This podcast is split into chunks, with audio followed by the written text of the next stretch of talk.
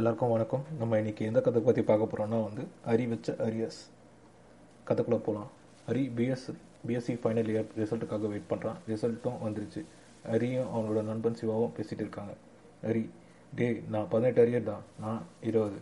இதில் என்ன ஆறுதல்னா நீ என்னோட ரெண்டு அரியர் கூடன்றது மட்டும்தான். அட போடா வீட்டில் எப்படி சொல்கிறது நான் பதினெட்டு அரியர் வச்சுருக்கேன்னு தெரிஞ்சது எங்கள் அப்பாவுக்கு நெஞ்சு வழியே வந்துடும் அப்புறம் ஒரு பதினேழு சொல்லலான்னு இருக்கேன். ஏன் அப்போ ஜோலி வராதா? டேய் பதினேழு அவருக்கு ராசியம் என்ன நான் எங்கள் வீட்டுக்கு போனதும் செருப்பு எடுத்து ஒழிச்சு வைக்கணும். ஏன்டா? இத்தனை அரியர்னு சொன்னால் செருப்பால் அடிவிடும். ஹா சிரிக்கிற உன்னை மட்டும் கொஞ்சமாக போகிறாங்க சரி எங்கள் வீட்டில் ஓரளவுக்கு நான் படிக்க மாட்டேன். அரியர் வைப்பேன்னு தெரியும். ஏன்னா ஒவ்வொரு செமஸ்டரும் என்கிட்ட மார்க்ஸ் கேட்பாங்க. உங்கள் வீட்டில் எப்படி கேட்காம விட்டாங்க? ப்ளஸ் டூவில் நான் ஸ்கூல் ஃபஸ்ட்டு என் மேலே எங்கள் வீட்டில் இருக்கவங்களுக்கு நம்பிக்கை. அவங்க நம்பிக்கை உடைச்ச நம்பிக்கை துரோகி ஆகிட்டியே டே நீ வேறடா.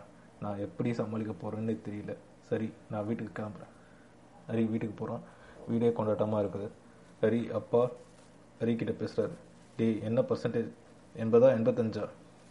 ஹரி மைண்ட் வாய்ஸ் ஐயோ பாஸ் ஆஃப் இல்லைன்னு கேட்பாங்கன்னு பார்த்தா எண்பது பர்சன்ட்டா இல்லை எண்பத்தஞ்சு பர்சன்ட்னு கேட்குறாங்களே ஹரி அப்பா சொல்லுடா. ஓ நைன்ட்டி பர்சன்ட்டா எண்பதே வச்சுக்கோங்கப்பா.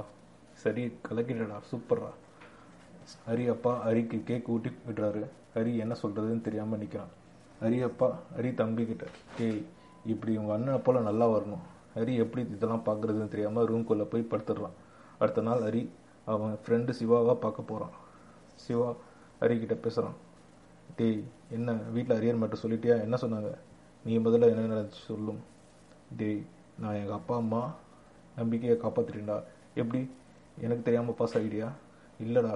எப்படியோ நான் ஃபெயில் ஆகுன்னு ஆகுவேன்னு எங்கள் வீட்டில் நம்பிக்கை. அதை நான் காப்பாற்றிட்டேன்ல டூ நீ உருப்பிட மாட்டேன்னு தண்ணி தெளிச்சு விட்டுருக்காங்க. அதை போய் பெருமையாக சொல்கிறேன் சரி சார் வீட்டில் என்ன நடந்துச்சு? கேக் வெட்டி கொண்டாடினாங்க. டேய் நீ எனக்கு தெரியாமல் பாஸ் ஆகிட்டியா பாஸாக ஃபெயிலான்னு கேட்பாங்கன்னு பார்த்தா எண்பத்தஞ்சு பர்சன்டேஜ் தொண்ணூறு பர்சன்டேஜ் கேட்குறாங்க. உன் அட்டனன்ஸ் பர்சன்டேஜே அவ்வளோ வராதே. அதே தான் அவங்க நம்பிக்கையை உடைக்க முடியாமல் எண்பது பர்சன்ட்டுன்னு சொல்லி வச்சுருக்கேன். எவ்வளோ நாளைக்கு இதை மெயின்டைன் பண்ணுவேன் வீட்டில் ஒரு கம்ப்யூட்டர் கோர்ஸ் படிக்கணும்னு சொல்லி ஒரு வருஷம் டைம் வாங்க போகிறேன் அந்த கேப்பில் அரியரை முடிச்சுட்ட வேண்டியது தானே சம் ஐடியாடா அரி வீட்டுக்கு போய்ட்றான். அவள் அப்பா கூப்பிட கூப்பிட்டு பேசுகிறாரு அரி அப்பா என்னடா பண்ணலான் இருக்கு? அடுத்து அரி ஒன் இயருக்கு கம்ப்யூட்டர் கோர்ஸ் ஒன்று பண்ணலான்னு இருக்கேன். அரி அப்பா டேய் அதெல்லாம் முடியாது. என் ஆஃபீஸில் நல்ல ஒரு வேலையில் சேர்ந்துட்டு நாளைக்கு ஒரு ஜாப் ஓப்பனிங் இருக்குது வந்து இன்டர்வியூ அட்டன் பண்ணேன் அதுக்கு ஏன் என்ன பண்ணலான்னு இருக்கலாம்னு கேட்டிங்க? நேராக வேலைக்கு போகலான்னு சொல்லியிருக்கலாமே. ட்ரை பண்ணுறா சரி. ஹரி அவன் ஃப்ரெண்டுக்கு சிவாவுக்கு கால் பண்ணுறான் ஹரி சிவா கிட்ட பேசுகிறான் டேய் ஒரு சிக்கல். என்னடா உன் லவ் மேட்டர் வீட்டில் தெரிஞ்சிருச்சா? ஆஹாஹா. எப்போ நான் மாட்டுவேன்னு இருக்கிறேன் எனக்கு ஆள் இருக்குன்னு உனக்கு காண்டுடா. இருக்காத பின்ன. உன் ஆளோட ஃப்ரெண்டு ஃபோன் நம்பர் கேட்டதுக்கு நீயே வேறு ஒரு நம்பர்லேருந்து பொண்ணு மாதிரி சேட் பண்ணி என்ன ஃபோனுக்கு ரீசார்ஜ்லாம் பண்ண வச்சியா? கல்பிட்.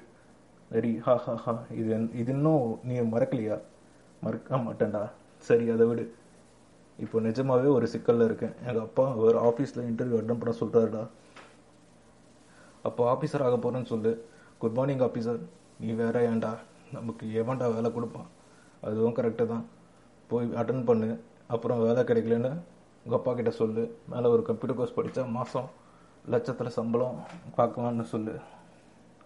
உங்ககிட்ட பேசினா தான்டா ஒரு தெளிவு பிறகுது நான் என் கடமையை தான்டா செஞ்சேன். நாளைக்கு இன்டர்வியூவில் வெற்றிகரமாக தோல்வியடைய வாழ்த்துக்கள். அடுத்த நாள் காலையில் ஹரி இன்டர்வியூக்கு ரெடி ஆகிட்டான். ரெடியாகி ரெடியாகிட்டு இருக்கான். ஹரி அம்மா ஹரிக்கு பால் கொடுக்குறாங்க. ஹரி என்னம்மா பாலில் பாதாம்லாம் அரைச்சி போட்டிருக்க? பாலில் பாதாம் போட்டால் இன்டர்வியூவில் சட்டு சட்டுன்னு பதில் சொல்லலாமா? ஓ இதை உனக்கு சொன்ன விஞ்ஞானி யார்? உங்கள் அத்தை தான்டா. அவங்க பையன் நாலு வருஷமாக வேலை தேடிட்டு இருக்கானே. அவனுக்கு இந்த பாதாம் பால் தரலையா? போன மாதம் தான்டா அவளுக்கு இந்த பாதாம் மேட்டு தெரியும். ஹரி அப்பா அந்த கேக் எடுத்துகிட்டு வாடி. அப்பா இன்டர்வியூ போகிறதுக்கெல்லாம் கேக் வெட்டுறது ரொம்ப ஓவராக இருக்கும். உன் வெயிட் உனக்கு தெரியாதுடா. நீ இன்டர்வியூவில் கலக்கு. ஹரி கண் கலங்கிட்டுறான் என்னப்பா ஆனந்த கண்ணீரா? ஹரி மைண்ட் வைஸ் நானே இன்டர்வியூவில் என்ன பண்ண போகிறேன்னு தெரியாமல் அழ வருது. இவர் வேறு.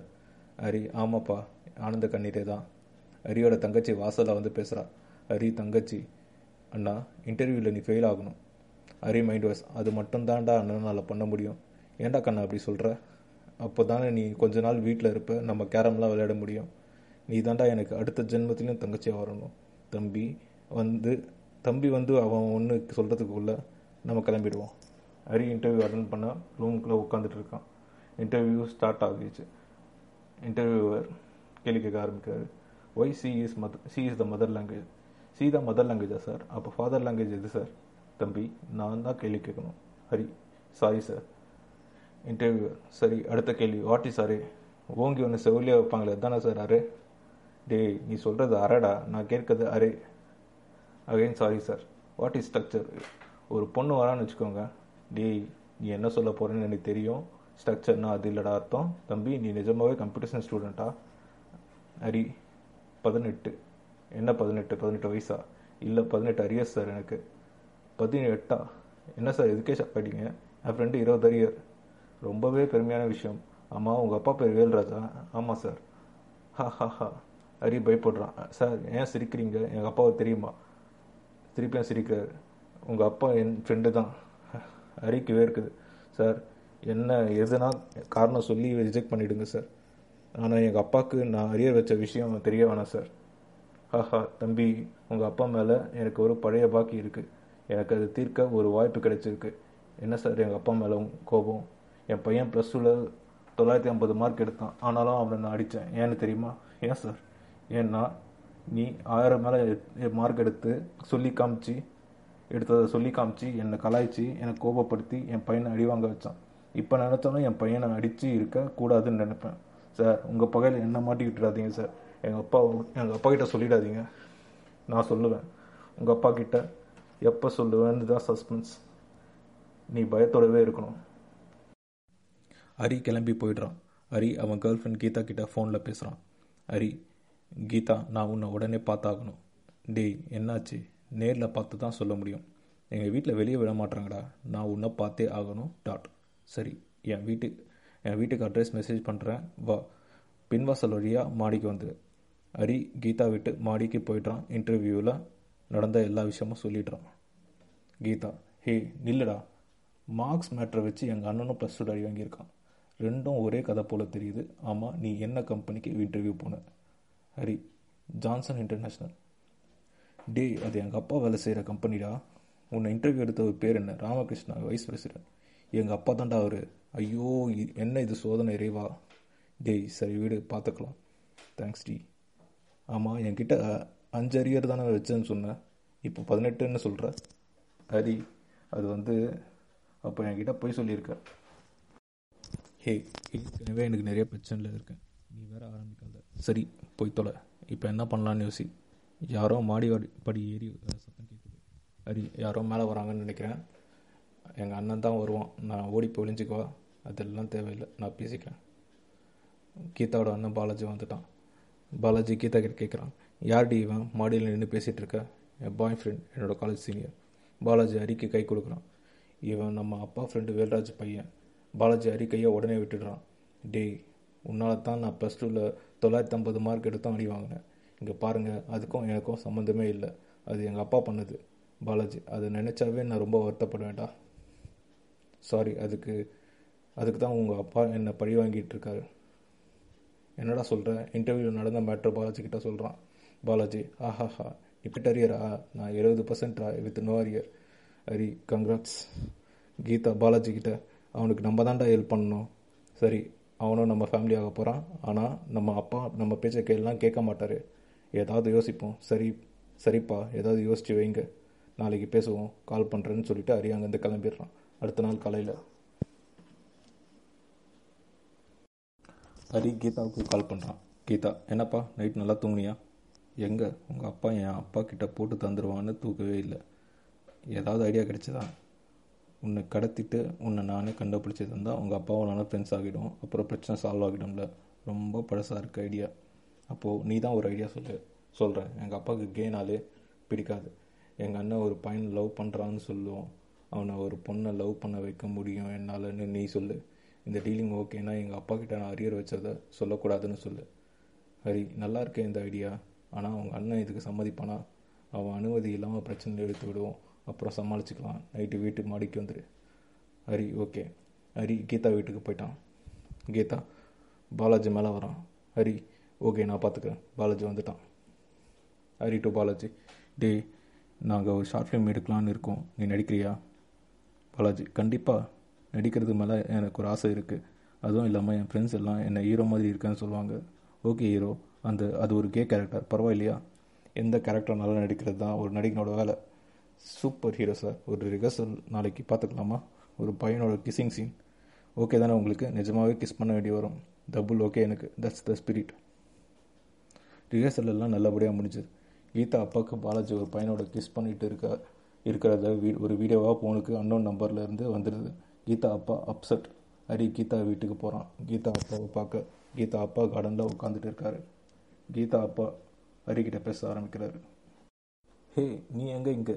உங்களை பார்க்க தான் சார் என்ன விஷயம்? உங்கள் பையன் ஒரு கேன் உங்களுக்கு தெரியுமா? கீதா அப்பா ஷாக் ஆகி ஷாக் ஆகிடுறாரு. கீதா அப்பா உனக்கு எப்படி தெரியும்? நான் தான் பார்க்கல நேர்லேயே பார்த்தேனே. கீதா அப்பா உழைஞ்சி அழ ஆரம்பிச்சிடுறாரு. ஹரி சார் அழாதீங்க. இதெல்லாம் சகஜம். இதுக்கு ஒரு தீர்வே இல்லையாப்பா? இருக்குது சார் இது மாதிரி என் ஃப்ரெண்டு ஒருத்தன் இருந்தான். அவனை நான் பேசியே மாற்றிட்டேன் இப்போ அவன் ஒரு பொண்ணை தான் லவ் பண்ணுறான் சூப்பர்ப்பா அதே மாதிரி என் பையனை மாற்றிட்டேன் மாற்றிட்டேன் நான் மாற்றுறேன் சார் ஆனால் அந்த அரியர் மேட்ரு அரியர் மேட்ரு உங்கள் அப்பாவுக்கு சொல்ல மாட்டேன். அப்போ விடுங்க உங்கள் பையனை நான் பார்த்துக்கிறேன் ஹரி அங்கேருந்து கிளம்பிடுறான். கீதா அப்பா பாலாஜியை பார்க்குற கண்ணோட்டமே மாறிடுச்சு. பாலாஜி வீட்டில் அவன் ஃப்ரெண்டு கூட ஃபோன் பேசிகிட்டு இருக்கான். பாலாஜி தேங்க்ஸ் லவ் யூடா பாய் கீதா அப்பா பார்க்குறாரு கீதா அப்பா பாலாஜி கிட்ட டேய் யாருக்கு லவ் யூ சொன்னேன். பயந்துட்டியா? அது பையன்தான் என் ஃப்ரெண்டு ஏன்? பொண்ணுக்கெலாம் லவ் சொல்ல மாட்டியா? பாலாஜி அவனோட அப்பா தோளில் தொட்டு அப்பா உனக்கு என்ன ஆச்சு என்னை தொடாதடா? நான் உன்னை தொடக்கூடாதா? நேராக போய் அவங்க தாத்தா ஃபோட் ஃபோட்டோ பக்கத்தில் நின்று உங்கள் பையனுக்கு ஏதோ ஆகிடுச்சு நீங்கள் தான் காப்பாற்றணும்னு சொல்லிட்டு ஃபோட்டோவை தொட்டு கும்பிட்றான். டேய் தாத்தா ஃபோட்டோவை தொடாத. ஏன்? அப்போ நான் பாட்டி பாட்டி ஃபோட்டோவை தொடலாம். பாலாஜி புலம்பிட்டே போகிறான் என்ன ஆச்சு இந்த ஆளுக்கு?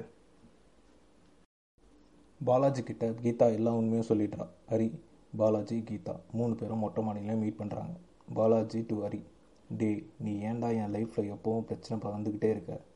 சாரிப்பா எனக்கு வேறு வழி தெரியல. இப்போ எப்படிடா எங்கள் அப்பா மூஞ்சில் முழிப்பேன்? ஒரு வருஷம் பொறுத்துக்கப்பா அதுக்குள்ளே எல்லாத்தையும் சால்வ் பண்ணிடலாம். சரி என்ன பிளானு உன் உன்னை பொண்ணை லவ் பண்ண வைக்கிறேன்னு உங்கள் அப்பா கிட்ட சொல்லியிருக்கேன். சரி அப்போது லவ் பண்ண வைங்க. ஒரு பொண்ணை சும்மா காட்டி இவ தான் உன் லவ்வர்னு சொல்ல போகிறோம் அதுக்கு நான் ஒத்துக்க மாட்டேன். ஏன்? எனக்கு ஒரு ஒன் சைடு லவ் ஒரு பொண்ணு மேலே இருக்குது நீங்கள் எனக்கு அந்த பொண்ணை செட் பண்ணி தரணும். அந்த பொண்ணை லவ் பண்ண வைக்கணும்னு சொல்லுப்பா. செட் பண்ணி செட் பண்ணி வைக்கணும்னு சொல்கிறது கொச்சையாக இருக்குது சரி ஏதோ ஒன்று எனக்கு அந்த பொண்ணை கிடைக்கலன்னா நான் அப்பா கிட்ட எல்லா விஷயத்தையும் சொல்லிவிடுவேன் அந்த பொண்ணு உனக்கு தான் நான் பார்த்துக்கிறேன் விடு. அடுத்த நாள் பாலாஜி கீதா ஹரி மூணு பேரும் சந்திக்கிறாங்க. கீதா பாலாஜி கிட்ட அண்ணி எங்கே இருப்பா? ஹரி அண்ணின்னு முடிவே பண்ணிட்டியா? பாலாஜி நல்லா தானே இருக்குது அவள் அப்படியே கூப்பிடுறது. சரி ஃபஸ்ட்டு அவருக்கு ஆள் இருக்கான்னு தெரிஞ்சுக்கணும். பாலாஜி எப்படி தெரிஞ்சுக்கிறது? ஒரு நாள் முழுக்க அவள் என்ன பண்ணுறான்னு பாரு. அதுலேயே தெரிஞ்சிடும் அவளை ஃபாலோ பண்ணணுமா? எஸ் சாயங்காலம் பாலாஜி வீட்டுக்கு வரான். சட்டையெல்லாம் கிழிஞ்சிருக்கு. அரியும் கீதாவும் வீட்டில் இருக்காங்க. என்னடா ஆச்சு? கீதா பாலாஜி கிட்ட கேட்குறான். என்னாச்சு? பாலாஜி ஃபாலோ பண்ண சொன்னீங்களே. ரம்யாவை காலையிலேருந்து ஃபாலோ பண்ண. அவளோட ஃப்ரெண்டு என்ன ஃபாலோ பண்ணுறியா அப்படின்னு அடிச்சிட்டாங்க. கீதா டு ஹரி. உன் மச்சான ஒருத்தன் அடிச்சிருக்கான். உனக்கு கோபம் வரலையா? ஹரி வரணுமா? வரணும் வந்துடுச்சு. அரியும் பாலாஜி சண்டைக்கு போடுற போடுறதுக்கு போகிறாங்க திரும்பி வரும்போது ரெண்டு பேர் சட்டையும் கிழிஞ்சிருக்கு. கீதா பேசுகிறா உங்களுக்கே இவ்வளோ காயம்னா அவங்க நிலமை? அரி ஓய் என்ன நெக்கலா? உசுப்பேத்தி அனுப்பி விட்டுட்டு. என்ன தான் ஆச்சு? உங்கள் அண்ணா ஒருத்தன் அடித்தான்னு சொன்னாங்க. அங்கே அஞ்சு பேர் இருந்தாங்க. புரட்டி புரட்டி எடுத்துட்டாங்க. சரி இரு ஏன் பின்னாடியே கையை வச்சுட்டு இருக்க? பேண்ட்டு கிழிஞ்சிருக்கடி. கீதா டு பாலாஜி நீ ஏன் செவுத்த ஒட்டி நிற்கிற என் பேண்ட்டும் கிழிஞ்சிருக்கு அவன் பேண்ட்டும் தான் கிழிஞ்சிருக்கு கையை வச்சு மறைச்சிக்க. ஜட்டி போடலை. அரியும் கீதாவும் ஒன்றா துப்புறாங்க. டூ பேண்ட்டை மாற்றிட்டு வராங்க ரெண்டு பேரும். திரும்பவும் மூணு பேரும் பேசிக்கிறாங்க. கீதா அந்த பொண்ணு ரம்யா கிட்ட நான் பேசிக்கிறேன். ஹரி என்ன பேச போகிற கீதா நாளைக்கு வந்து பாருங்கள் அடுத்த நாள் எல்லாரும் ரம்யாவை பார்க்க போகிறாங்க கீதா டு ரம்யா. ஹாய் ரம்யாவும் ஹாய் சொல்கிறா கீதா நேற்று இவங்கள பார்த்துருப்பீங்க. பாலாஜி என்னோட அண்ணன். ஹரி என் பாய் ஃப்ரெண்ட் ரம்யா சொல்லுங்கள் நாங்கள் ஒரு ஷார்ட் ஃபிலிம் எடுக்க போகிறோம் அதுக்கு ஹீரோயின் உங்களை ஹீரோயினாக உங்களை போடணும்னு அது போடணும்னு இருக்கும். அது எப்படி கேட்கணும்னு தெரியாமல் தான் நேற்று அப்படி நடந்துச்சு. அவன் கொஞ்சம் shy type oh sorry sorry guys நீங்கள் படத்தில் நடிக்கிறீங்களா? ஷோர் நடிக்கிறேன். கீதா தேங்க்ஸ் நாளைக்கு ஷூட்டிங் டீட்டெயில்ஸ்லாம் ஷேர் பண்ணுறோம் கீதா ஹரி பாலாஜி மூணு பேரும் வீட்டுக்கு வந்துடுறாங்க. Hari to Geetha. Correct heading ஆனால் ஷூட்டிங் ஸ்பாட் கேமராவுக்கு செலவாகுமே என் மோதிரம் தரேன் சமாளிச்சுக்கலாம். பாலாஜி தேங்க்ஸ் இந்த ஷூட்டிங் கேப்பில் இவனை லவ் பண்ண வச்சிடணும். ரம்யா கீதா ஹரி பாலாஜி நாலு பேரும் இந்த ஷூட்டிங் கேப்பில் நல்லா ஃப்ரெண்ட்ஸ் ஆக்கிட்டாங்க. கடைசி நாள் ஷூட்டிங் கீதா ஹரி பாலாஜி மூணு மூணு பேரும் உட்காந்துட்டு இருக்காங்க ஷூட்டிங் ஸ்பாட்டில் பாலாஜி டு ஹரி மச்சி சொல்லுடா. கடைசி நாள் ஷூட்டிங் எனக்கு ஒரு ஆசரா என்னது? நான் ஒரு நான் ஹீரோ ரம்யா ஹீரோயின் எங்களுக்கு ஒரு கிசிங் சீன் கூட வைக்கல. சரி விடு வச்சிடலாம். அதுக்கு முன்னாடி ஒரு ரிகர்சல் பார்த்துடலாமா கீதா நீ ரம்யாவை கூப்பிடு. பாலாஜி நீ ரெடியா நான் ரெடி மாப்பில் வாயை நல்லா கூச்சி வச்சுக்கோ. ஓகேடா. ஹரி பக்கத்தில் இருக்க விட்ட எரியிற சிகரெட்டை வாங்கி வா- பாலாஜி வாயிலேயே சுட்டுட்றான் கீதா சிரிக்க ஆரம்பிச்சிட்றான் டேய் ஏன்டா சுட்ட? உன்னையும் ரம்யாவும் சேர்த்து வைக்கிறதே எங்களுக்கு என்ன வேலைன்னு தெரியல. இதில் கிஸ்ஸிங் சீன் வேறு வைக்கணுமா? கரெக்டாக சொன்னடான்னு கீதா சொல்கிறான் ரம்யா ஷூட்டிங் முடிஞ்ச உடனே இரு வேலை இருக்குன்னு கிளம்பிடுறா பாலாஜி ஹரி கிட்ட பேசுகிறான் நாளைக்கு ரம்யா கிட்ட ப்ரப்போஸ் பண்ணலான்னு இருக்கேன். ஹரி டேய் இந்த டைம் சரி வருமா? பாலாஜி அவளுக்கு டைரி எழுதுகிற பழக்கம் இருக்குது அவள் டைரியை அவள் வீட்டுக்கு போய் இருக்கும்போது சுட்டுட்டேன். அதில் அவளுக்கு ப்ரப்போஸ் பண்ணுறவன் அவளோட தெரு முழுக்க ரோசஸ் குட்டி அங்கே முட்டி போட்டு ப்ரப்போஸ் பண்ணணும்னு எழுதியிருந்தான். சரி அதுவும் பண்ணிட்டா போச்சு. அதை என்னோட ஃபேஸ்புக் லைவில் கவர் பண்ணு. கண்டிப்பாக ஒத்துப்பான்னு நம்பிக்கையா? எஸ் அடுத்த நாள் அவளோட ஸ்ட்ரீட் ரொம்பவே சின்னது. அது ரோசஸ்லாம் கொட்டி கரெக்டாக அவள் வரும்போது ப்ரப்போஸ் பண்ணா. அந்த டைம் பார்த்து ஒருத்தன் பைக் ஓட்ட தெரியாமல் வந்து பாலாஜி ரெண்டு காலுக்கு நடுவில் மோதிடுறான். அது ஃபேஸ்புக் லைவ்லையும் எல்லாரும் பார்த்து சிரிச்சிடுறாங்க. அடுத்த நாள் ரம்யா கீதாவுக்கு கால் பண்ணுறா ரம்யா இப்போ எப்படி இருக்கான் பாலாஜி? கீதா உடம்பு பரவாயில்ல. ஆனால் ப்ரப்போஸ் பண்ணது கோமாளித்தனமாக போயிடுச்சுன்னு ஃபீல் பண்ணுறான் ஃபேஸ்புக் லைவில் நிறைய பேர் சிரிச்சிட்டாங்கன்னு வருத்தப்படுறான். ரம்யா நேரில் வரேன் ரம்யா நேரில் பார்க்க வந்துட்டா? ரம்யா பாலாஜி கிட்ட பேசுகிறான் எனக்கு நீ பண்ண கோமாளித்தனம் பிடிச்சிருந்தது. I love you too Balaji சந்தோஷத்தில் குதிக்க ஒரு பக்கம் ஹரி சந்தோஷத்தில் குதிக்கிறான். அடுத்த நாள் கீதாவோட அப்பாவும் ஹரியோட அப்பாவும் மீட் பண்ணிக்கிறாங்க. கீதா அப்பா சொல்லுப்பா என்ன வீட்டு பக்கம் அதிசயமா? ஹரி அப்பா உங்ககிட்ட மன்னிப்பு கேட்க தான் வந்தேன்.